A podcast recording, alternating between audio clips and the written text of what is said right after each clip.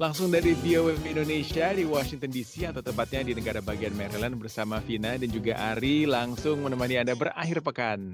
Hey, nah akhir pekan ini kalau tadi kita udah menyimak cerita dari Amerika, sekarang kita ke Indonesia. Wah saya belum pernah nih ke Palu, Sulawesi Tengah. Udah pernah belum? Belum, kalau Sulawesi baru ke Makassar doang. Wah, sama dong. Tapi udah eh, cicip coto Makassar berarti ya? Udah, coto Makassar di Sarinah juga ada. Oh iya ada. Aduh, pengen gak sih? Kita susah banget di Amerika ya mencicipi uh, apa ya makanan-makanan yang khas, yang tradisional itu sulit sekali carinya. Betul sekali. Eh, uh, agak-agak sedikit melenceng nih obrolannya sebentar. Hmm. Tahu kan kalau di coto Makassar itu kan kuahnya tuh yang agak-agak sedikit uh, keruh-keruh ber apa namanya berlapisan di atasnya gitu kan? Uh, lemak-lemak kan itu? Bukan, itu aku belajar itu ternyata itu di, bisa didapetin dari um, dari rendaman beras. Oh. Gitu. Jadi itu bukan lemak gitu. Okay. Ya memang coto Makassar agak sedikit ya berlemak ya, cuma maksudnya uh, kuahnya itu itu sengaja dibikin khasnya itu dari rendaman beras, air beras. Waduh, ini kita belajar kuliner nih dari Bapak Ari. Kayaknya gitu. lama di rumah jadi banyak masak ya. itu juga dikasih tahu sama temen yang suka masak coto Makassar. Wah, luar biasa. Tapi sebenarnya di segmen ini kita bukan membahas makanan loh ya, pendengar. Kita oh sebenarnya oh, iya. membahas soal kerajinan nih. Jadi um, teman kita Metrini Giovanni baru-baru ini berbincang sama Wulan Lembonunu yang aktif dalam pemberdayaan kelompok minoritas khususnya perempuan di Palu, Sulawesi Tengah melalui Galeri Usaha Kampung. Nah, simak ya petikan perbincangannya bersama Wulan terkait tantangan dan upaya yang dilakukan dalam pemberdayaan ekonomi perempuan penyintas selama pandemi. Kira-kira apa sih yang berubah di tengah pandemi ini dengan pemasaran produk-produk dari Galeri Usaha Kampung?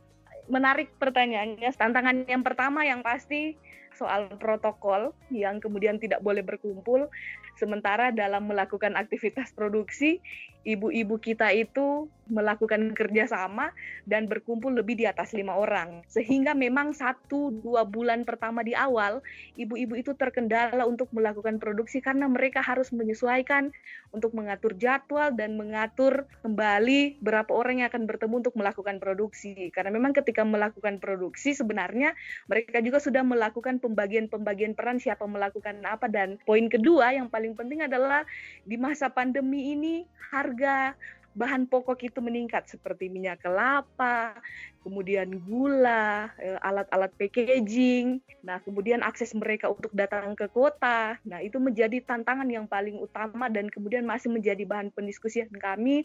Alhamdulillah kemudian bersama dengan komunitas kita tetap bersama-sama mencari solusi bersama untuk memastikan ada produk-produk penyintas yang tetap terproduksi. Nah, yang ketiga juga Eh, melalui galeri usaha kampung tantangan kita adalah terkait uh, proses penjualan karena di awal uh, kawan-kawan fokus untuk melakukan penjualan offline. Modelnya seperti container box dan ada yang menjaga di dalam, kemudian dipajang jualan ibu-ibu kita. Nah, saat pandemi kemarin, ketika dinyatakan aktivitas galeri usaha kampung kita dialihkan menjadi layanan online. Ya menarik sekali ketika pandemi ini, kira-kira bagaimana upaya penjualan atau marketing secara online untuk galeri usaha kampung ini? Sejauh ini untuk penjualan online yang dilakukan oleh teman-teman, yang poin pertama kita memaksimalkan media sosial. Media sosial itu melalui uh, akun galeri usaha kampung bisa dicek oleh kawan-kawan, bisa di-follow juga galeri usaha kampung Tiap hari teman-teman melakukan update penjualan melalui story dan uh, update foto, gambar. Kemudian juga melalui penjualan Facebook selanjutnya juga kawan-kawan bisa melakukan pemesanan. Jadi kita menyebar flyer juga di wilayah Kota Palu khususnya. Di dalam flyer kita melakukan kampanye penulisan hasil produk-produk ibu-ibu kita dan juga tertera nomor kontak dari pengelola galeri usaha kampung. Mungkin bagi teman-teman yang kemudian ingin memesan bisa langsung juga via Japri, via WhatsApp Pemesanan ini Kak tidak hanya di Kota Palu, tapi luas secara Sulawesi Tengah maupun ke luar Jawa juga ke pulau-pulau yang lain karena e, beberapa bulan kemarin juga kawan-kawan mendapat pesanan banyak itu dari e, wilayah Jakarta. Kenapa sih peduli dengan pemberdayaan ekonomi perempuan khususnya korban bencana alam di Palu ini? Karena saya perempuan Kak. Saya perempuan Eh, saya lahir dalam keluarga yang kemudian kita semua anak perempuan dan di dalam keluarga saya merasakan uh, saya tidak mendapat diskriminasi dalam keluarga karena kedua orang tua saya adalah menurut saya keluar uh, orang tua yang sangat demokratis, memberikan kesempatan dan membangun ke keberanian untuk anak-anaknya perempuan dari masa kecil sampai saya dewasa sekarang.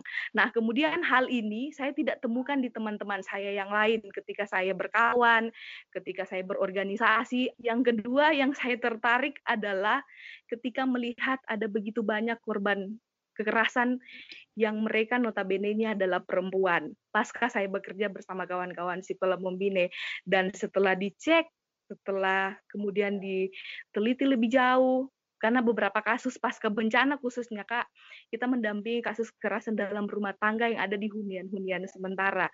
Nah, kasus kekerasan dalam rumah tangga itu yang terjadi kemudian dirasakan oleh perempuan menurut mereka kenapa kemudian mereka mengalami kekerasan? Karena yang pertama suami mereka kehilangan pekerjaan. Dan yang kedua para perempuan ini memang dari awal sebelum bencana mereka sudah terbiasa tergantung ekonominya dengan kehidupan suaminya. Sehingga pas kebencana suami kehilangan pekerjaan mereka tidak punya pengetahuan mereka tidak memiliki akses ekonomi mereka tidak tahu mau buat apa bebannya itu bertambah. Mereka harus memikirkan bagaimana ekonomi keluarga harus tetap bertahan dan memikirkan bagaimana mereka harus mendapatkan uang karena memang suami mereka hanya sontak memikirkan pekerjaan mereka dan ketika pas kebencana semua terhenti seperti nelayan. Iya, demikian perbincangan kita bersama Wulan Lembonunu yang berada di Palu yang juga aktif melakukan pemberdayaan perempuan, khususnya korban bencana di Palu. Terima kasih ya. The Voice of America.